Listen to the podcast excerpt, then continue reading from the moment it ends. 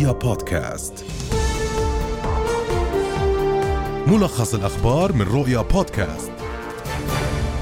موجز الأخبار من قناة رؤيا. أهلا بكم. اختتم الأسبوع الوبائي الثاني والأربعين الممتد من السادس عشر وحتى الثاني والعشرين من الشهر الجاري بارتفاع ملحوظ في أعداد إصابات فيروس كورونا في الأردن. إذ بلغ العدد الإجمالي 9456 حالة في سبعة أيام.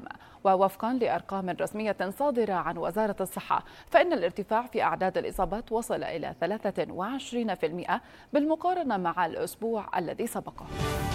أفادت دراسة حديثة أن الإصابة بفيروس كورونا قد لا تضمن المناعة لغير الملقحين مدى الحياة وأن الفيروس قد يعود في غضون أشهر قليلة. إلى الإنسان وتوصل باحثون في جامعة ييل وجامعة نورث كارولينا في الدراسة إلى أن الأشخاص غير الملقحين ضد فيروس كورونا عليهم أن يتوقعوا أن يصابوا بكورونا كل 16 إلى 17 شهراً.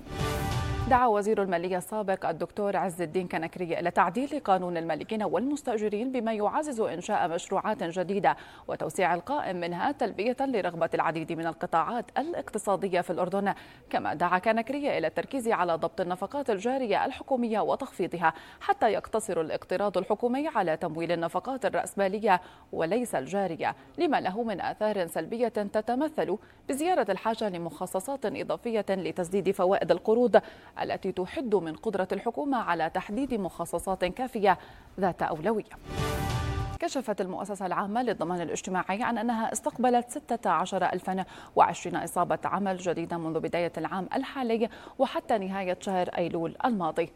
ووفق مديرية إدارة السلامة المهنية وإصابات العمل بالمؤسسة وفاء جرادات بلغت قيمة نفقات الإصابات المذكورة نحو مليوني دينار شملت البدلات اليومية للمؤمن عليهم.